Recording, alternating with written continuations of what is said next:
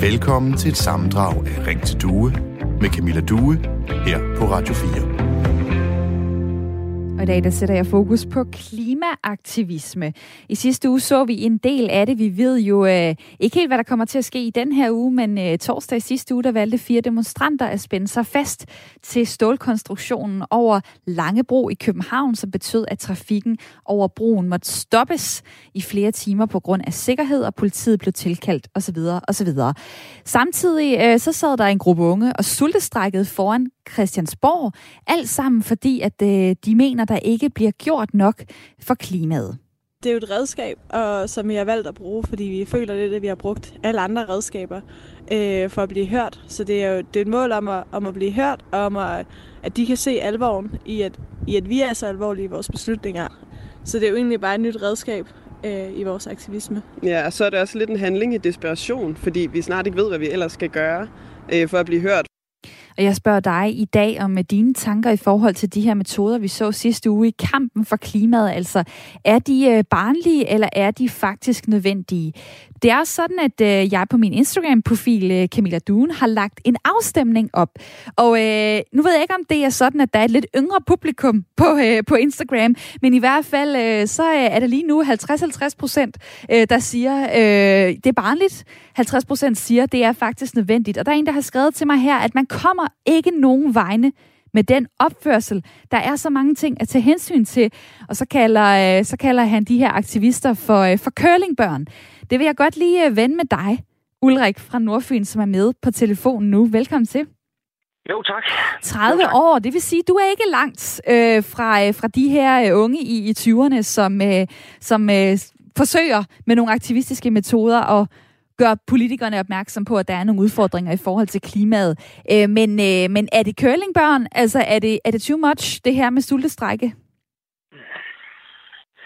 Det, det ved jeg ikke. Altså, jeg kan, jeg, vil sige, jeg kan godt sætte mig ind i dem. Altså, jeg startede sådan for alvor og jeg gik ind i øh, debatten i 2016. Altså, det vil sige, der også var det midt 20'erne ish. Øhm, og, og når man er der, så er man jo bare klar på en helt anden måde, end når man er 30 og har købt hus og har, øh, har to-tre børn eller sådan noget. Ikke? Øhm, øhm, men, men det, som de skal vide, det er også bare, at, at alle former for ismer i deres yderste potens, også som det er klimaaktivisme, det tror jeg ikke gavner øh, hverken sagen eller, eller samfundet, de lever i. Det hørte vi jo lige øhm, fra, øh, fra Greenpeace tidligere. De der mente, de havde ret god effekt af det. Ja, og, og selvfølgelig har det da også en effekt, det vil jeg ikke øh, afvise. Men man skal måske også bare... Jeg, jeg tror ikke, hvis man så også kigger på, hvor bredt en tilslutning Greenpeace har i samfundet, så tror jeg ikke, den er særlig stor. Mm.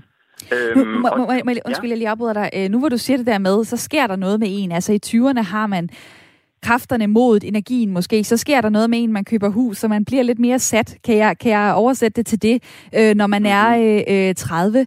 Øh, mm. burde, øh, burde det egentlig for, for alle os øh, plus 30 og så op efter til at tænke, øh, tak, tak unge, for at tage den kamp, øh, vi andre ikke tager, øh, når vi sætter os i sofaen i stedet for fredag aften og, og hygger med familien? Øh, ja og nej.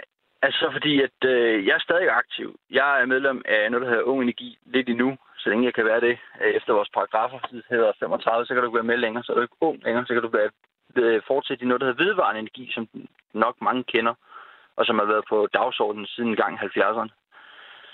Øhm, så ja, jeg tror ikke, man kan undgå, at der kommer nogle clashes. Men det, som jeg bare siger, det er måske, at, at det måske ikke godt, hvis man skal have hele befolkningen med, den brede befolkning med til den her omstilling. Øh, man bliver simpelthen nødt til, vi, vi, i vores organisation, der prøver vi på at lave oplysningskampagner til øh, universiteter, til gymnasier, og her til efteråret starter vi en, en stor øh, kampagne forhåbentlig i, øh, i noget, der hedder EUC i Sønderjylland, øh, Sønderborg. Starter og... vi med at lave... Ja? Ja, og for at det ikke skal blive totale reklameindslag for, for jeres øh, ja, forskellige øh, pro- projekter, øh, så vil jeg bare lige øh, spørge dig øh, til sidst. Øh, det kan jo lyde lidt som om, at øh, måske kan det gå meget godt hånd i hånd, selvom du siger, at alt alt, der ender på isme, klimaaktivisme osv., det er at tage den for langt. Men det kan da lyde som om, at det, det kan noget meget godt, fordi det kan noget forskelligt. Det er mere øh, orkestreret, som I måske øh, står for i, øh, i jeres forening. Så har vi Greenpeace derovre på en anden fløj. Så har vi de unge. Er det ikke alt sammen med til at tale ind i et fokus på nogle rigtig store klimaudfordringer, som vi har brug for at have? Helt sikkert. Altså helt sikkert. Det, øh, det, det er helt sikkert, at, at, at det også er vigtigt, at der er nogen, der gør opmærksom på det. Og vi deltager også selvfølgelig i, i, de organiserede øh, demonstrationer, der er. Altså der er meldt til øh, øh, politiet og sådan noget på den måde. Øh, men vi synes måske bare lidt, det er forkert at, at lave sådan, øh, man sige, uanmeldte ting og hænge sig op i, i skilte og, og, og sådan noget. Jeg har selv haft nogle tanker, det skal jeg ikke lægge skue på. Jeg skal ikke være heldig. Men, men man bliver også bare nødt til at tænke over, at er det det værd? Er det det værd at, at gøre det for sagens skyld, faktisk? Mm. Øh, måske ikke så meget sin egen skyld, men øh, støder man ikke flere fra sig? Det tror jeg, man gør i hvert fald. Øhm, og det er også den konklusion, jeg selv er kommet til, at der er for mange, der siger, at det, det er for useriøst. Altså, du skal ikke ødelægge noget for andre for at frem din egen sag. Så er du ikke bedre end, øh, end olieselskaberne, der begynder at købe patenter op på alle mulige ting, og så begraver lort ud i baghaven. Undskyld mit sprog. det gør jeg ikke noget. Det var øh, dejligt at høre direkte fra dig, Ulrik. Tak for din tid. Jo, tak lige måde, og tak for et godt program.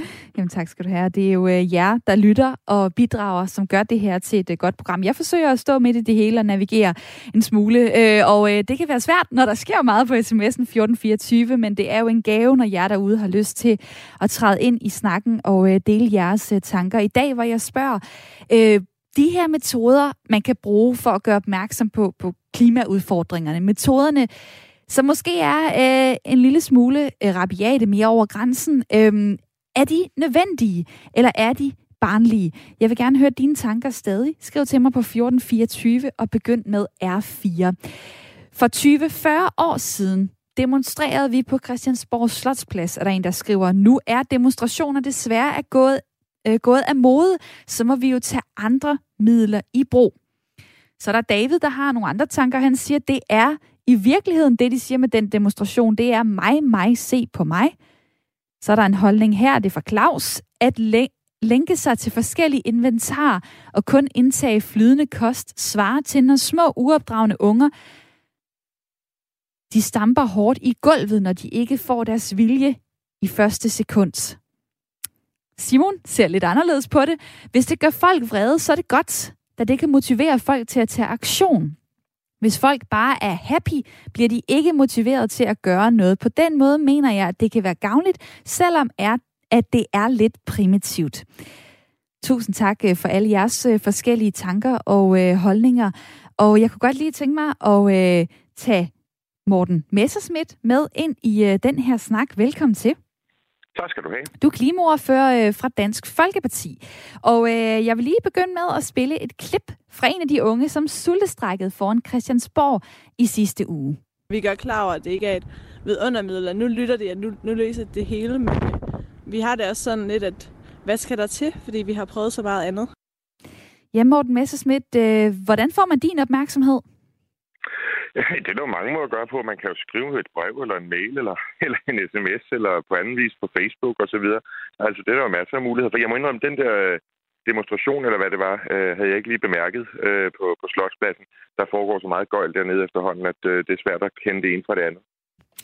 Men, øh, men, men det vil sige, at øh, hvis man henvender sig til dig, altså det er det, jeg skal sige øh, til, til de, øh, de unge i den grønne studenterbevægelse, henvender man sig til dig, så, øh, så kan man komme øh, hvad, til, til en dialog-samtale? Ja, jeg svarer på alle henvendelser. I hvert fald i udgangspunktet. Der er nogen, der er så tåbelige, at jeg ikke gør, men, men i udgangspunktet, så svarer jeg da på de henvendelser, jeg får. Men det, jeg ikke forstår i forhold til de der klimabevægelser, øh, det er, øh, om, altså, hvorfor de demonstrerer i Danmark. Altså Danmark er det land i verden, som er aller, aller længst fremme. Vi er det land, der har den mest ambitiøse klimalov overhovedet. Vi har en regering, som, øh, som øh, gør alt, hvad de kan for at presse erhvervsliv og landbrug osv. osv. Så, så hvis man virkelig vil demonstrere for at få nogen til at gøre noget mere så er Danmark da det dummeste land i hele verden at vælge. Altså så skulle man da til, tage til Bulgarien eller Rumænien eller Polen eller et af de der lande i EU, der køber frihjul. Så jeg forstår overhovedet ikke de der mennesker, de gider bruge deres tid altså på, på, på det, de gør. Den vil jeg godt lige øh, smide hen til øh, Erik i mit lytterpanel, som også øh, stadig er med. Det er Erik Christensen, 63 år, bor i Skovlunde. Ja, hvad tænker du om det, Morten Messerschmidt siger her? Er Danmark i virkeligheden det helt forkerte sted at demonstrere? Øh, nej, det er det ikke. Fordi øh, vi i Danmark vi har et meget stort øh, CO2-udslip, så vi er langt fra heldige. Så det er et udmærket øh, sted at, at starte den bevægelse, eller videreføre den bevægelse, fordi det, det har jo været i gang i mange år. Det, det er ikke noget nyt. Øh, man var også i gang i 70'erne. Så det er ikke noget generationsspørgsmål, synes jeg. Øh, men, men det, vi har et meget stort øh, klimaaftryk hvis man tager det som gennemsnitsborger. Jeg vil bare sige, øh, den gennemsnitlige dansker øh, har et dobbelt så stort CO, CO2-udslip, som den gennemsnitlige kineser har. Det er 17 ton danskerne, og en kineser, gennemsnitlig kineser har 8 ton. Så det er et udmærket sted at starte. Det er, at man skal starte med sig selv. Det er let at se bjælken ja, det der i andres egentlig, øjne. Øh, ja, ja, uha. Det der, det der, Men det er svært at se bjælken i sit eget det der øh, spændt i sit eget, det er jo det ordsprog, det, det kender vi. Ja, altså Morten Messerschmidt, øh, vi, vi er et rigt land. Altså, øh, burde vi ikke være forgangsland lige meget, om du så kan pege på andre, der gør det øh, værre end os?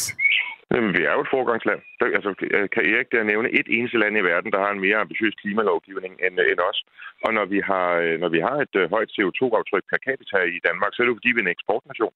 Og det skal, det skal verden sådan set takke os for. Der er ikke mange landbrug rundt omkring i verden, der er så klimavenlige som os. Så derfor så skal kineserne og Erik jo takke dansk landbrug for, at vi producerer øh, bacon og bøffer og hvad det nu er i Danmark, og så eksporterer det til andre lande. Så det kan godt være, at det gør, at Danmark som nation har et højere CO2-aftryk end andre, end andre nationer, man kan pege ud. Men hvis man deler det på, på indbygger, men hvis man deler det per produceret enhed, så er vores CO2-aftryk jo enormt lavt. Og hvis ikke vi producerede de der varer, jamen så ville de jo blive produceret i Polen og Bulgarien og alle de der lande, jeg nævnte før, hvor CO2-aftrykket per, per produceret enhed er meget, meget højt. Så jeg fatter simpelthen ikke, hvorfor man beder et land, der har sat sig for at reducere CO2 med 70 procent i 2030, øh, hvorfor man står og demonstrerer og gør sig selv sådan til, øh, i stedet for at stå ude foran ambassaderne øh, i, på Østerbro øh, og prøve at gøre opmærksom på de lande, der ingenting gør. Der er jo lande i EU, der ingenting gør. Det er måske fordi, det er nemmere at, øh, at tale til nogen øh, på eget sprog øh, og sige, hey, øh, hvad skal vi gøre, i stedet for I andre, I, øh, I bør gøre noget. Øh, nu hvor du lige nævner det der med den øh, målsætning, der er, altså det her med, at øh, om ni år, der skal Danmark, altså i 2030, have skåret 70 procent af de drivhusgasser øh, fra, som vi udleder. Det svarer til omkring 20 millioner ton CO2. Det er noget, som øh, Folketinget øh, indtil videre har taget nogle forskellige øh, politiske beslutninger omkring.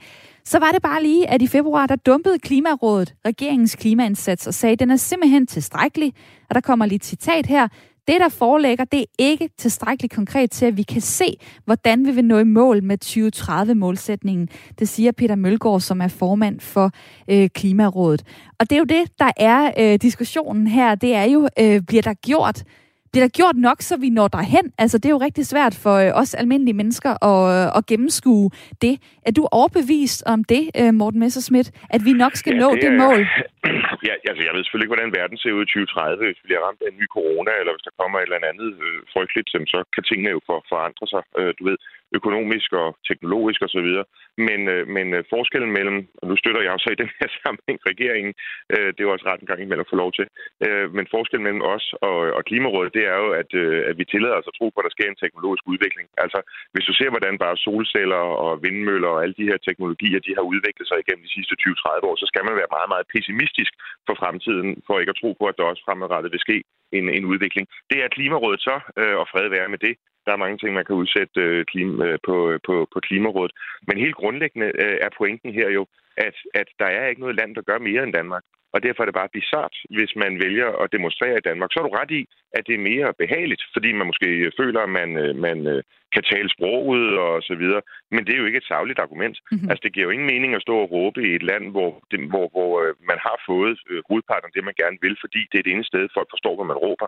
Altså, der må man jo ligesom sige, at man er nødt til at gå efter sagen. Altså, og så må man jo finde et land, man kan tage, man, man, hvor man taler sproget. Altså, det kunne også være Tyskland, det kunne være engelsk Og inden, øh, inden vi skal i Europakortet rundt, Morten Messersmith, så vil jeg sige tak til dig. Dejligt, du var med her i Ring til Due. Selvfølgelig, og tak for et godt program. Jamen, tak skal du have, klimaoverfører fra øh, Dansk Folkeparti. Du lytter til Radio 4. Og i dag snakker vi om, at nogle unge føler sig presset til at få børn. Det har de fortalt om til DR3 i et rigtig fint tema. Her har en øh, kvinde på 23 år for eksempel skrevet det her. Jeg har på ingen måde lyst til at få børn, men at fravælge børn bliver en stor skuffelse for mine forældre og vil betyde, at slægten slutter med mig. Dybt ubehageligt at føle, at man vælger forkert, uanset hvad. Der er altså flere unge, der beder os andre venner, familie, kollegaer, samfundet om at lade være med at blande os så meget og bare gå ud fra, at de unge selvfølgelig vil have børn på et tidspunkt. I flere lande så er der bare omvendt fokus på, at de unge mennesker skal huske at få nogle børn, og gerne flere af dem. I går kom det for eksempel frem, at nu vil Kina lempe lovgivningen, så det bliver tilladt for kineserne nu at få tre børn og ikke to, som reglerne er i dag. Blandt andet på grund af et faldende fødselstal, som også er det, vi oplever i Danmark. For 100 år siden der fik øh, danske kvinder i gennemsnit fire børn. Nu er vi nede på cirka 1,67 barn per kvinde, og det er fjerde år i træk, at den samlede fertilitet falder herhjemme, har Danmarks Statistik fortalt.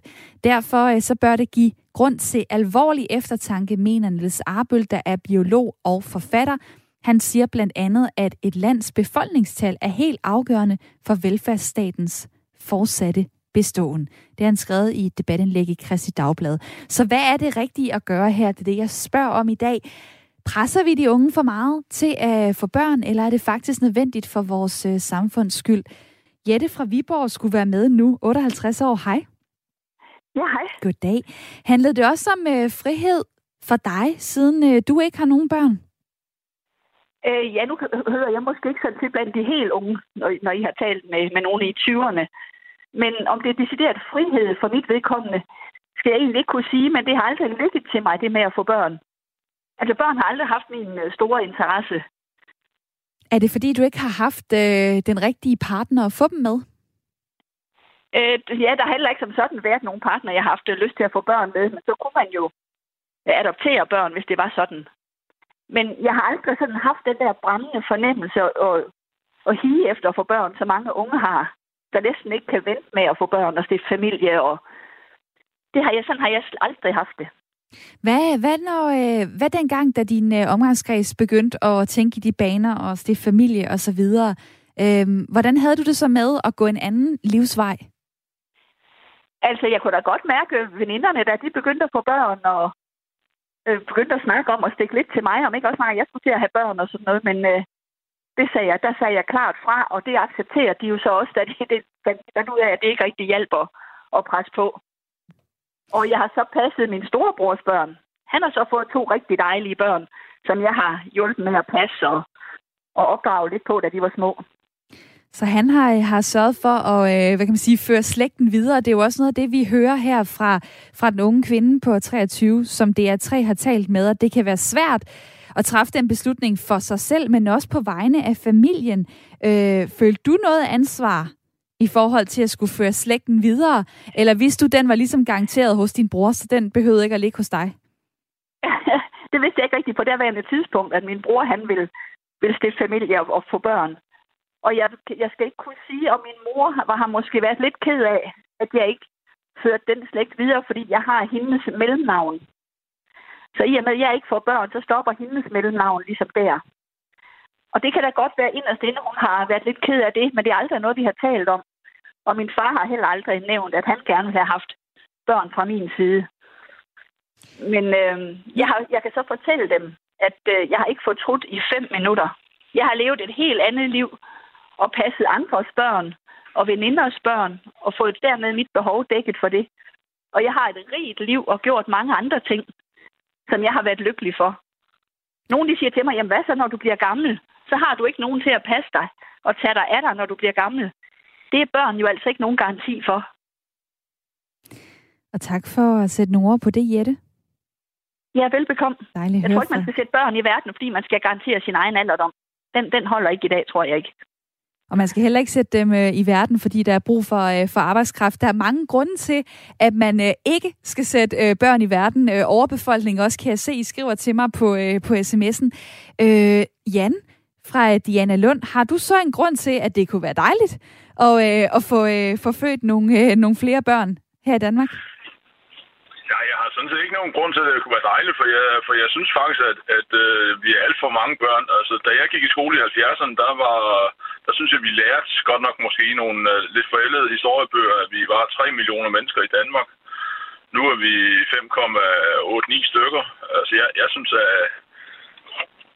Altså, jeg, jeg forstår ikke helt det her, for det, jeg kan godt uh, se, øh, at uh, fødselsraten, den, uh, den er kun 1,7, men, men når vi ser på statistikken for, for hvordan at uh, befolkningen den udvikler sig, så, så ser det ud til, at vi bliver flere og flere i Danmark.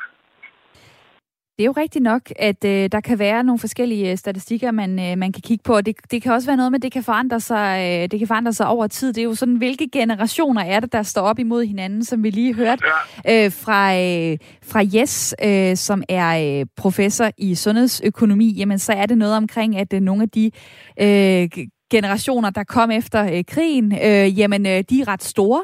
Øh, og, og på den måde har vi bare ikke haft sådan rigtig mange store generationer øh, siden der. Øh, Nej, altså, hvad... jeg, er jo selv, øh, jeg er jo selv øh, nok blandt den Altså, jeg er årgang 65, og jeg er nok blandt den sidste store generation, er der sådan rigtig, jeg tror måske, hvis jeg husker rigtigt, så er vi en 80-90.000 i de årgange der. Mm. Fordi og... vi, er, vi er de første årgange fra, hvad hedder det, af vores, altså vores mødre var, var født der lige efter krigstiden. Og nu, nu er du så 56. Øh, ja. Har du udsigt til nogle øh, børnebørn på et tidspunkt? Det har jeg så forhåbentlig ikke. Altså, jeg har, en, øh, jeg har to øh, hvad hedder det, adoptivbørn, som desværre har nogle øh, særlige behov, og, og vi har gjort meget for at, at fortælle dem, at, øh, at de ikke skal have børnebørn, eller at de, at de ikke skal have børn, fordi at øh, der sker jo kun én ting, og det er, at de bliver fjernet med det samme, og det, kan, det er der ingen af os, der kan bære. Så det håber jeg, jeg håber det er ikke på den måde, men jeg kan jo godt se, at, at øh, vores omgangskreds, de har jo, øh, de har jo næsten alle sammen børnebørn, og det er jo det, der i stor øh, udstrækning bliver snakket om. Altså jeg vil jo hellere ud og køre på min motorcykel sammen med nogle af dem, i stedet for at, at, at sidde og snakke om børnebørn. Og øh, på den måde, så vil det jo altid være sådan, at man nok øh, kigger sig lidt om i, i sin omgangskreds, i sin familie, blandt sine venner. Hvad er det, der sker øh, hos dem? Og øh, det kan være, at øh, det giver nogle følelser, når man så begynder at se, at andre får børnebørn, eller andre får øh, børn, hvis man er i, øh, i den alder. Jan fra Diana Lund, det var dejligt at høre fra dig, 56 år. Kom igennem på telefonen 72 30 44 44. Øh, jeg kunne godt tænke mig at høre fra, øh, fra nogle af jer, øh, der har børn, måske også nogle unge mennesker. Øh, hvad er det, I tænker om det her? Altså, er det nødvendigt at have fokus på det? Hvis ordet pres det er for meget, så vil jeg måske dreje den til at sige, et fokus på at få børn. Øh, er det nødvendigt? Eller øh, hvad tænker du? Telefonnummeret ind til mig, det er 72 30 44 44, og ellers så er sms'en også åben. Det kan jeg se, I har fanget 1424. Begynd med øh, R4. Der er Daniel, der skriver, øh, goddag. Der var en, der skrev, at hun ikke havde børn og ikke savnede det. Det ved hun jo ikke, for hun har ikke prøvet det. Der er mange ældre, dels i deres eget hjem og på plejehjem, som er frygtelig ensomme. Jeg har selv tre børn, og meget er anderledes i dag. Men jeg fortryder intet, jeg vil gerne have flere. De gør livet så meget mere meningsfuldt, skriver øh, Daniel. Og det er jo altid en interessant ting. Øh, kan man vide, hvordan det føles at være forældre, når man ikke er forældre? Det står jeg jo selv overfor øh, nu, hvor, øh, hvor jeg skal have et, øh, et barn øh, om tre måneders tid. Altså, kan jeg egentlig øh, sætte mig ind i, hvordan det vil ændre øh, mit liv? Bente i mit øh, lytterpanel, det vil jeg godt lige øh, tale med dig om. Bente Henriksen, 67 år, der bor i bor på Østerbro i København, pensioneret, men tidligere pædagog. Nu har du så arbejdet med børn, men øh, er du egentlig overbevist om, at, øh, at du ikke ved, du jeg prøver lige at stille spørgsmålet på en anden måde. Ved du, at du ikke er gået glip af noget rigtig, rigtig fedt og rigtig skønt ved ikke at få børn? Nej, det kan jeg jo ikke vide. Altså, og det gør jeg måske også. På den anden side, øh, der var en, en af lytterne før, der sagde, at øh, man skulle ikke øh, man skulle ikke planlægge børn for, at de kunne være øh, plejegivende til, til deres forældre, eller bedste ja, forældre. Og, og det synes jeg da heller ikke, og jeg synes at der er rigtig mange, der også øh, har børn, men børnene har ikke tid til at besøge de gamle i, i, i det omfang, de egentlig skal have. Så kommer vi jo ind i et nyt problem, ikke? Altså, jeg vil da hellere, hvis jeg skal sidde på et plejehjem ikke have nogen børn at vide, jamen der er ikke nogen, end at jeg sidder og savner nogen, som ikke har tid til at komme. Mm. Mens vi taler her, øh, så øh, kommer der godt nok mange beskeder. Dejligt at se. Øh, der er en, der skriver her, Hej Camilla, jeg tror ikke på, at det er nogen god idé at presse andre til at få børn. Man skal kun få børn, hvis man virkelig gerne vil, hvis man har råd og overskud. Ellers risikerer vi, at der kommer endnu flere udsatte børn. Venlig hilsen Katarina, som skriver PS, du vil også blive savnet herfra, men stort tillykke med graviditeten, og øh, mange tak øh, for det. Og øh, hvis vi så ikke skal presse folk til at få børn, så kunne det jo være, at de kunne lokkes. Øh, der er mange, som har forskellige idéer til, hvordan man kunne motivere unge mennesker til at øh, få børn. Få børn lidt tidligere end i dag også, så de måske kan nå at få endnu flere. Det vil jeg gerne øh, tale med dig om. Bent Greve, der forsker i velfærd og arbejdsmarked ved Roskilde Universitet. Velkommen til dig. Tak skal du have.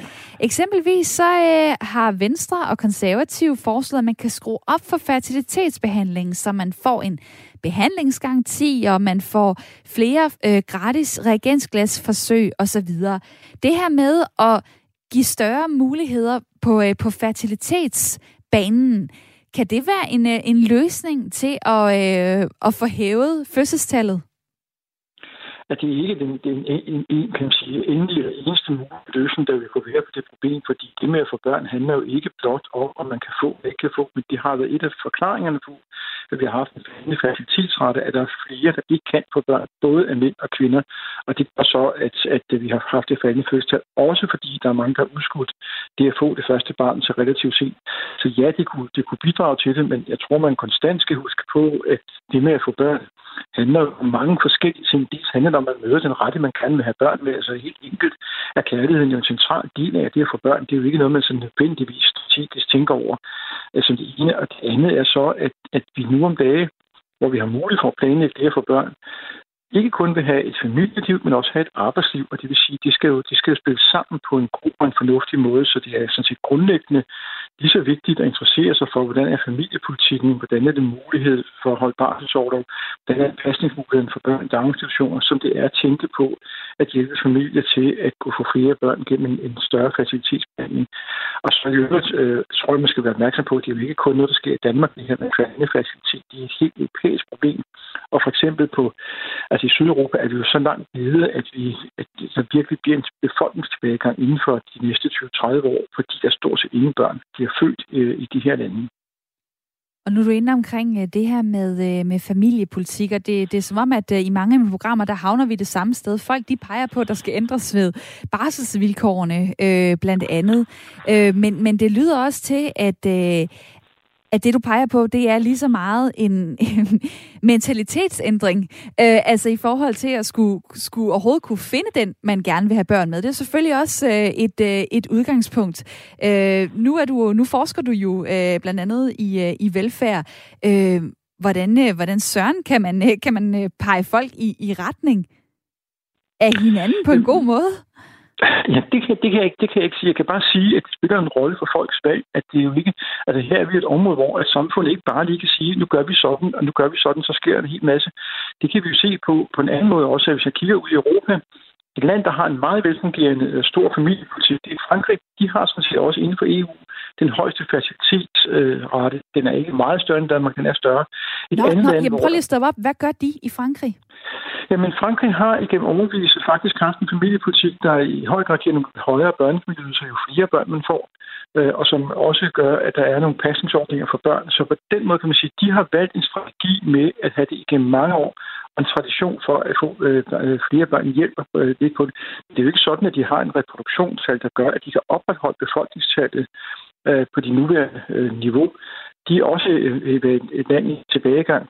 Omvendt kan man sige, at Rumænien, som også har et højt kvalitetstal, de har ikke meget bekendt helt samme øh, udvikling af de her dele. Og i Ungarn har man også forsøgt at få øh, befolkningstal til at gå op ved at give yderligere øh, økonomiske tilskyndelser, og de har kun virket i meget begrænset omfang. Så, så vi er i virkeligheden på et område, hvor det er en kombination af, at man skal fortælle folk, at der er gode pasningsmuligheder for deres børn, der er nogle økonomiske understøttelsesmuligheder for familierne med børn, og der er nogle gode muligheder for både at have et arbejdsliv og et familieliv. Det tror jeg rent faktisk vil hjælpe på det. Det er nok det, der i dag bare fordi De fleste mennesker øh, vil gerne have både noget at stå op om morgenen, de vil også gerne have gode sociale relationer, de vil også gerne have familieliv. Man kan kun få det hele, hvis man er i stand til at kombinere det på en fornuftig måde. Mm og simpelthen øh, gøre det tydeligt for, øh, for de unge mennesker, øh, hvad er det for et øh, sikkerhedsnet, der måske er, eller skulle man måske udvide det? Nu taler du om øh, børnefamilieydelser øh, blandt andet. Øh, dejligt at høre fra dig, Ben Greve, forsker i velfærd og arbejdsmarked ved Roskilde Universitet. Mange tak øh, for din tid. Du lytter til Radio 4. I cirka fem år der har vi haft det, der hedder kontanthjælpsloftet, som er en øvre grænse for, hvor meget man som borger maksimalt kan få samlet om måneden fra det offentlige. I år der ligger grænsen for eksempel på ca. 16.600 øh, kroner om måneden før skat, hvis man er alene forældre over 30 år med to eller flere børn. Men måske skal systemet laves om, måske skal kontanthjælpsloftet afskaffes sådan, at for eksempel børnefamilier kan få endnu flere penge end i dag. Og øh, den er enhedslisten med på. Der er forskellige afsavn, der har ramt særligt børn hårdt med, at de har måttet melde sig ud af fodboldklubben osv. Øhm, og det synes vi er et kæmpe problem, og det er derfor, vi gerne vil have det afskaffet. Anderledes øh, ser Hans Andersen på det, beskæftigelsesordfører for Venstre. Kontanthjælpsloftet er et, øh, et godt princip, altså at det sikrer, at øh, der er et loft over, hvor meget man kan modtage i, i offentlige ydelser, og dermed sikrer vi også, at det altid kan betale sig at, øh, at tage et arbejde, vel og mærket også et arbejde, som ikke er, er højt lønnet. Og det er jo det, vi skal sikre. Altså, vi skal jo sikre, at man sådan set som menneske forlader kontanthjælpssystemet og tager et arbejde. Og jeg kan se, at øh, der er flere af jer på øh, sms'en, som er enige øh, i den pointe i forhold til, at det skal kunne betale sig og, øh, at arbejde. Der er Daniel, der skriver sådan her. Goddag kontanthjælp skal jo være lav, for det er vel ikke meningen, at folk, der arbejder, skal finansiere, at folk, der ikke arbejder, har de samme goder som en selv. Jeg har heller ikke råd til at rejse på ferie eller en ny smarttelefon hele tiden, en ny stor bil. Men er det min skyld, at jeg ikke tjener mere, end jeg gør, eller samfundets skyld? Jeg gider ikke at betale for, øh, at andre skal have. Man må yde, før man kan nyde, er pointen fra Daniel. Hvad siger du til det, Rune i Frederikssund. Hej. Ja, hej. Hej du. Jamen, jeg synes, øh, jeg har skrevet en sms ind, mm, og øh, det jeg bare lige vil anholde lidt, det er, når du siger offentlige ydelser, og så sætter det lige med, som om det kun er kontanthjælp. Mm, der findes faktisk også førtidspension. Det er også en offentlig ydelse. Øh, det, det, det, det er den første pointe. Mm. Fordi, må, må, jeg, må, jeg, må jeg tilføje noget der, for du har ret. Altså, ja. grunden til, at jeg ikke er dykket ned i alle de der forskellige slags ydelser, det er, at listen lige nu er jo ekstremt lang. Selvforsørgelsesydelse, hjemrejseydelse, overgangsydelse, uddannelseshjælp, forskellige former for støtte. Øh, det er det, der bliver kritiseret men, fra... fra, øh, fra, fra ja. Ja. Camilla, førtidspension er noget helt andet. Det er slet ikke øh, ment som en slags kontanthjælp. Det er ikke en underafdeling af kontanthjælp. Det er noget helt andet. Forstår du? Mm, det, det, det forstår er... jeg. Æ, rammer, øh, så må jeg jo spørge dig, det lyder som om, du, øh, du kender til det. Æ, er du selv førtidspensionist? Jamen, jeg, det. jeg er selv førtidspensionist. Okay. Øh, og det er jeg, fordi, at øh, jeg har været igennem så mange mærkelige ting i mit liv, at jeg er blevet vurderet allerede for lang tid siden til at være uarbejdsdygtig. Okay. Æ, derfor får jeg en førtidspension, og den er ikke tidsbegrænset. Og jeg mener bare, så kan folk sige, at jeg arbejder ikke, eller dit eller datten. Men, men man skal forstå, at mange af dem, der befinder sig i kontanthjælpssystemet, mm, øh, de er faktisk øh, psykisk syge. Mm. Og øh, mange får også øh, enormt meget medicin. Mm, ikke? Og det vil sige, at øh, det, det, den medicin gør, mm, øh, det er, at den pacificerer folk. Det vil sige, at de virker meget omgængelige, og ham der eller hende der, hun kunne da godt arbejde. Men din vilje, mm, øh, din evne til for eksempel at sige, nu tager jeg mig sammen, og nu gør jeg sådan og sådan, den bliver altså nedbrudt af medicinen. Øh, det gør den simpelthen. Og, det, og, og, og, det, og, og Rune, Rune det, det, er der, det, er der, øh, det er der for selvfølgelig nogle, nogle udfordringer omkring. Jeg skal lige forstå, øh, er der egentlig også et loft, for det har jeg ikke sat mig ind i, i forhold til førtidspension, altså i ja, forhold til... Det, jeg kan, det kan jeg godt forklare. Ja. I gamle dage, før 2003, øh, der kunne man få den højeste førtidspension, og den mellemste og den laveste. Jeg fik min før 2003, så jeg fik den mellemste. Den er på 13.000 udbetalt. Man kan få 16.000 udbetalt, det er den højeste. Man kan også få, øh, og i gamle dage kunne man få en lavere. Men det er blevet lavet op, så der kun er én førtidspension. Sådan har det været siden 2003. Og den ligger lidt højere end min. Den ligger cirka på 14.000.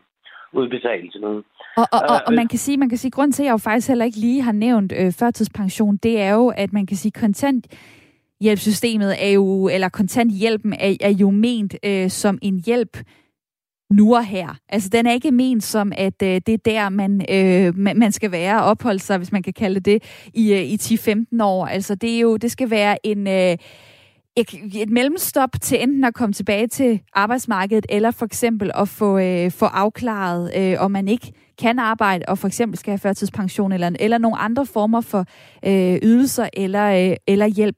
Det vil jeg også bare lige øh, sige, Rune fra Frederikssund, det er derfor, jeg fokuserer på kontanthjælpen, øh, fordi man kan sige, det er jo ikke meningen, at, øh, at du øh, kan blive motiveret til at gå ud og, og arbejde ved at få rykket ved dine ydelser, da du ligesom er førtidspensionist. Det er besluttet, at du har fået din, din førtidspension.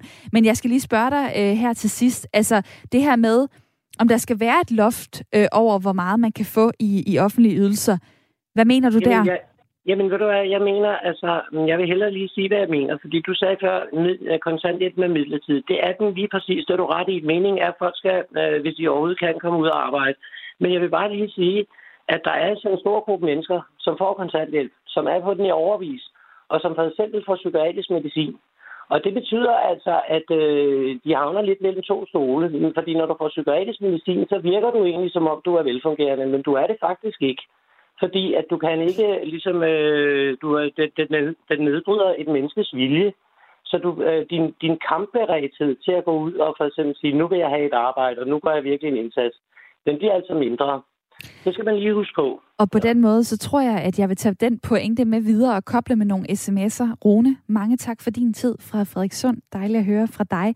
49 år og altså øh, førtidspensionist. Spændende at få det input ind i uh, snakken, og det uh, taler jo meget godt ind i måske nogle af de lidt mere hårde sms'er, uh, hvor, hvor folk siger, uh, kan folk ikke bare lette sig fra, uh, fra sofaen og gå ud og tage et arbejde osv. Altså det kan være ret så komplekst, og øh, de fleste af os har nok ikke prøvet at være på kontanthjælp, så vi vi ved ikke, hvad det er. Øh, det er for noget, vi ved ikke, hvordan man kommer derhen, øh, hvad, hvad det var, der skulle i, i vores liv skulle gøre, at vi måske også skulle, skulle ende øh, i kontanthjælpssystemet. Øh, Jonas Nielsen, han kommer med det her input også på sms'en. Der skal ikke være et kunstigt kontanthjælpsloft, for der vil jo altid være et loft i og med, at man kun er berettet til at få de ydelser, man er berettet til, skriver Jonas Nielsen, og øh, mange tak for din besked.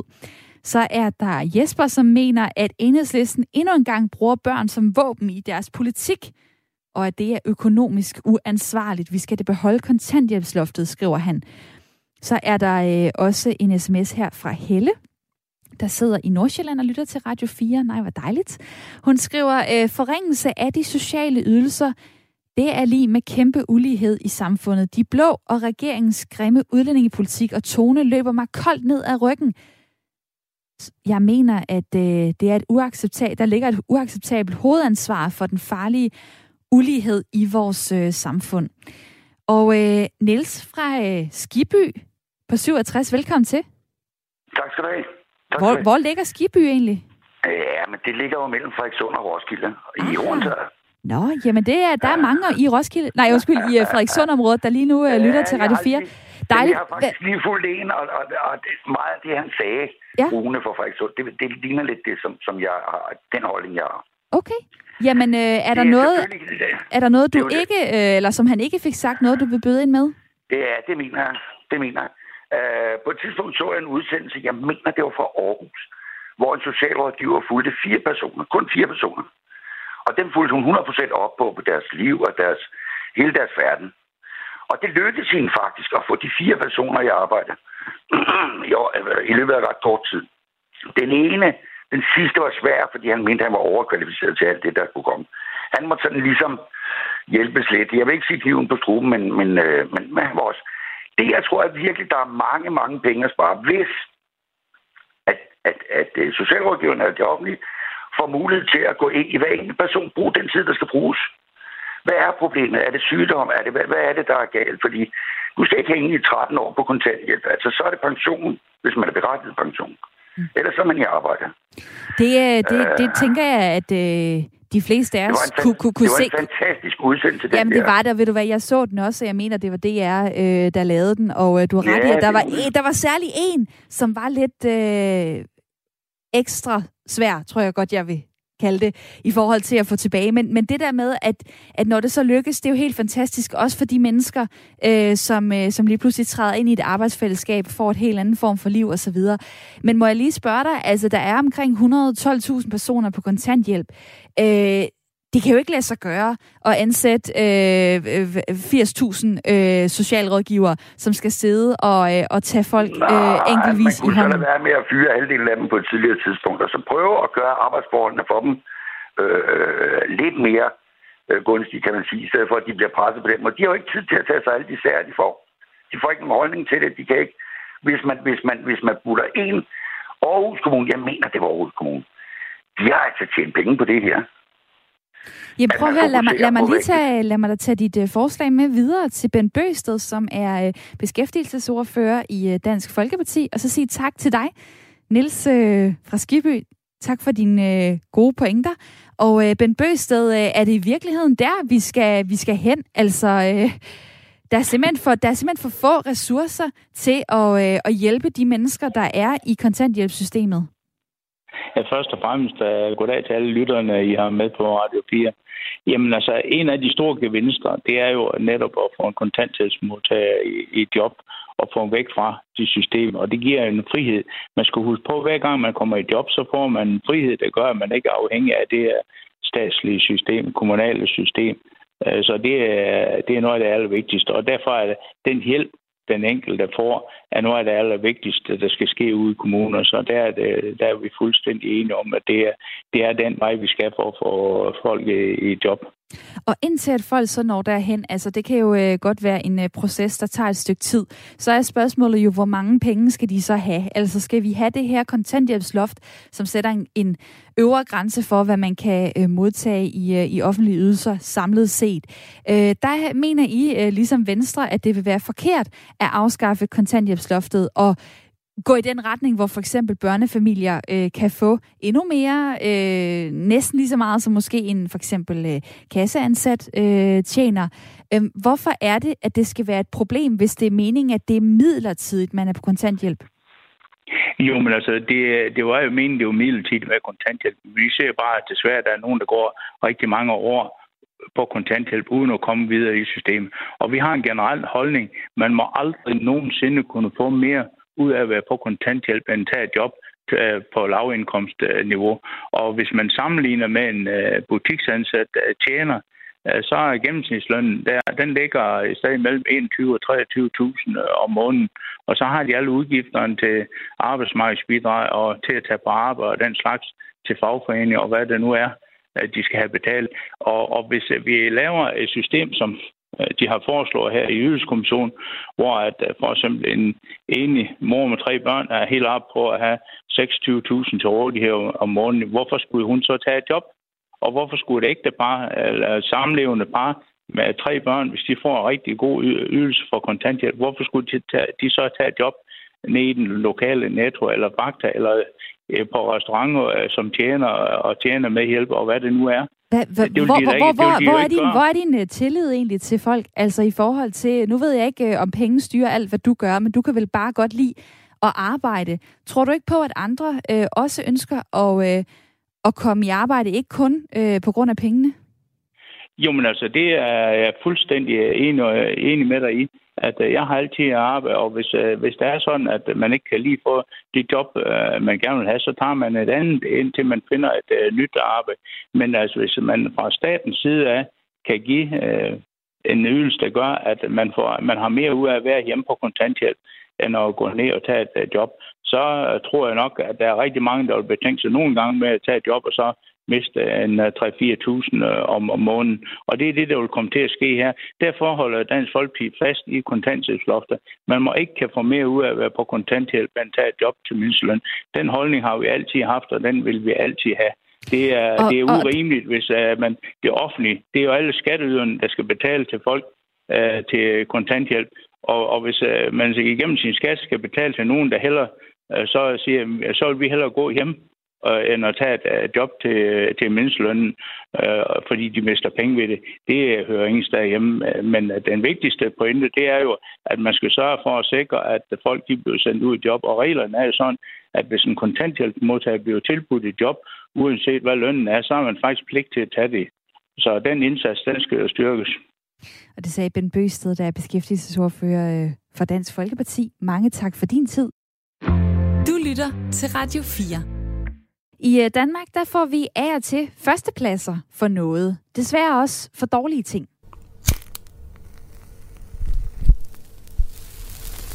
Vi har øh, verdensrekorden i, hvornår en ryger første gang i gennemsnit tænder en cigaret.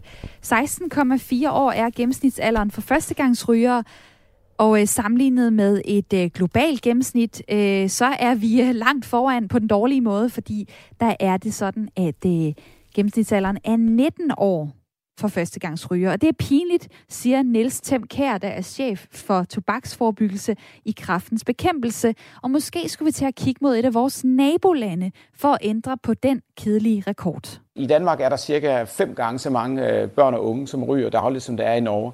Så, så Norge er i høj grad øh, rollemodellen. Der en pakke cigaretter koster næsten 100 kroner i Norge. Øh, der har været lang, meget mere, øh, flere kampagner og, og mange flere regler i Norge, end vi har i Danmark. Så det er et godt land at kigge på.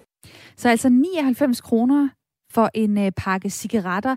Øh, der er vi ikke endnu i Danmark, selvom at der er sket løbende prisstigninger. Lige nu koster en øh, pakke cigaretter ca. 55 kroner, og øh, næste år der vil prisen stige til 60 kroner, som vil give Danmark nogle af de højeste cigaretpriser i Europa. Og øh, jeg spørger så jer, jamen øh, skal vi tage den endnu videre? Skal vi hæve priserne på cigaretter endnu mere af hensyn til de unge? Og uh, Thomas, tak for, uh, at du vil være med. Ja, men øh, jeg tænker også, at det er helt skørt. ja, du tænker, det er helt skørt hvad? At, uh, at priserne skal stige endnu mere? Jeg vil, mest af alt, at jeg vil være med i dit radioprogram der, men, men altså, det vil jeg gerne. Jeg vil godt, jeg synes, det er skørt, at øh, vores priser på cigaretter de stiger på den måde der, som det nogle gange gør. Og, øh, og der er ikke rigtig nogen, der har glæde af det, andet end at øh, øh, vi ryger jo bare noget mindre, men vi holder jo ikke op med at ryge. Vi har bare ikke råd til det mere. Og så går vi... Øh, de penge, som ellers havde brugt på at, at, at købe nyt tøj eller noget god mad eller noget andet går fra i det øjeblik, at afgifterne de på den måde der bliver sat op på cigaretterne. Og så er der jo ikke rigtig nogen, der har fået glæde af det. Jo, man kan sige, øh, at der er kommet nogle flere penge i statskassen, men, men, men det er vel også det, det er jo gået fra et andet sted. Mm, fordi, at, øh, fordi man har ikke en, øh, en endeløs pengetank, man bare kan stikke øh, snablen ned i. Øh, Thomas, du, øh, du ringer fra Greve. Du er 51 år, og du har faktisk rådet i 40 år. Det vil sige, at du begyndte som, øh, som 11-årig.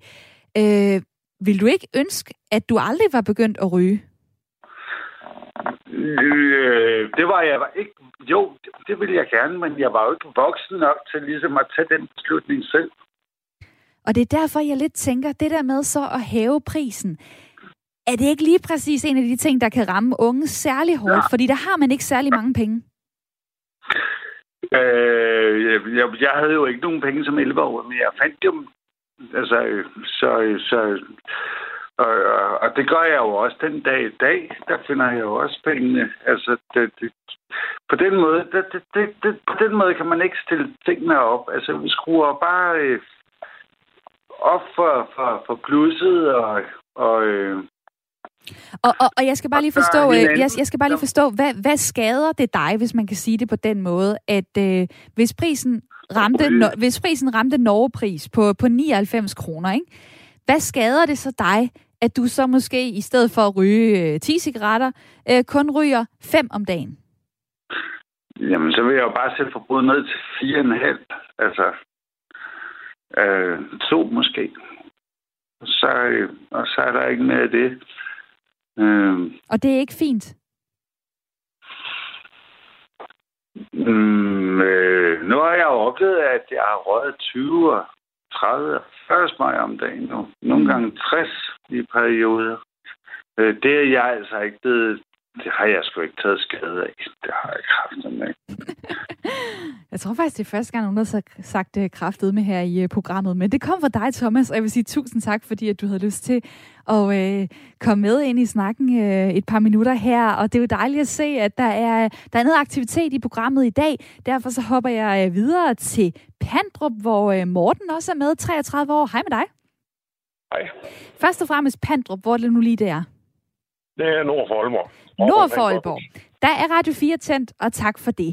Og øh, mit spørgsmål i dag i forhold til, om prisen skal hæves på cigaretter, er hensyn til de unge. Hvad siger du så? Jeg synes, det er en god idé. Helt klart. Mm. Det, det, det skal være dyrere at ryge, og det skal være sværere at ryge. Og det siger du måske, fordi du ikke bare selv ryger, eller hvad? En, ja, det, det kan man sige, men øh, jeg synes også, at de unge mennesker, de, de bliver yngre og yngre, når de ryger. Og i den alder, så er ikke altid, man træffer det helt korrekte valg. Det tror jeg, vi, øh, vi alle sammen kender til på en eller anden måde. Det gør vi jo så bare heller ikke lige som voksne. Altså, det der med, at der er nogen, der skal ind og, og blande sig i sådan en voldsom grad, altså i vores livsstil. Man kan sige, man har jo hævet cigaretpriserne mange gange tilbage fra 1990, hvor en pakke kostede øh, 26,5. Selvfølgelig er der også sket noget med inflation og så videre, men altså, prisen er blevet hævet så mange gange. Øh, og øh, lige at, at tage den fra 60 for eksempel, og så op til, til de 99 i Norge, øh, er det ikke lidt øh, gak i forhold til, at vi jo også er frie mennesker, der, kan, der selv kan vælge, hvordan vi vil leve vores liv? Nej, det synes jeg faktisk ikke. Det synes jeg faktisk ikke. Øhm, det er det, der skal til, for at folk kan mærke, at det virkelig stiger. Det er, det er den store stigning. Ikke de der 3-4-5 kroner. Det mærker de ikke. Så vil jeg lige vende noget med dig, fordi at øh, der er øh, nogle nye regler på vej i forhold til unge mennesker, i forhold til skoletiden. Det er sådan, at øh, faktisk fra sommerferien, jamen så bliver der indført det, der hedder røgfri skoletid i Danmark. Det betyder, at fra 0. til 10. klasse, så, øh, så må man ikke ryge i, øh, i skoletiden. Men for eksempel på efterskoler og kostskoler, øh, når folk er blevet lidt ældre, de der 15-16 år, så er der et krav kun i forhold til skoletiden. Bagefter så er det så op til efterskolerne selv at vælge, om øh, eleverne må ryge osv. osv. Man kan jo skrue mange forskellige øh, steder. Øh, synes du, at øh, man skal gøre det så besværligt som overhovedet muligt for alle øh, at ryge? Og der taler jeg både, øh, der taler jeg både de unge, jeg taler også øh, de voksne. Altså, jeg synes, man skal kigge mod af, og så lave et spritbolaget. Øhm, hvor alt salg af alkohol og cigaretter foregår. Og så lave 30-40 center af det. For det første er det nemt at kontrollere, og det, det vil gøre, at de unge mennesker ikke kan få fat i cigaretterne. Så, øh, så i stedet for at kigge mod Norge, kunne vi også kigge mod øh, Sverige. Der kommer mange forskellige øh, bud i spil i dag. Og tusind tak for din tid, Morten. Dejligt at øh, høre fra dig. Øh, jeg kan se, at øh, der også er folk på, øh, på sms'en, der har andre gode idéer. Der er Troels, der skriver, angående rygning, gør som i Canada. Hæv alderen for at købe tobak til 21 år, og lovgiv om, at det er et personligt ansvar ikke at dele cigaretter ud til personer, som er under 21 år, lyder øh, forslaget for ham. Og så er der også mange, der simpelthen øh, kommenterer på, hvad kan man sige, mit hovedspørgsmål i forhold til, om vi skal hæve cigaretpriserne øh, af hensyn til de unge. Der er øh, en, der skriver sådan her. Nej til prisstigninger. Opdragelse sker ved gentagende samtale, og ikke ved at malke folks pengepunkt. Lyder det fra Henrik, som sidder i Albertslund. Tusind tak til alle jer, der har deltaget i programmet. Tak til Stina Valentin i mit lytterpanel. Jeg glæder mig til at vende tilbage i morgen her i radioen kl. 9.05 med en ny debat.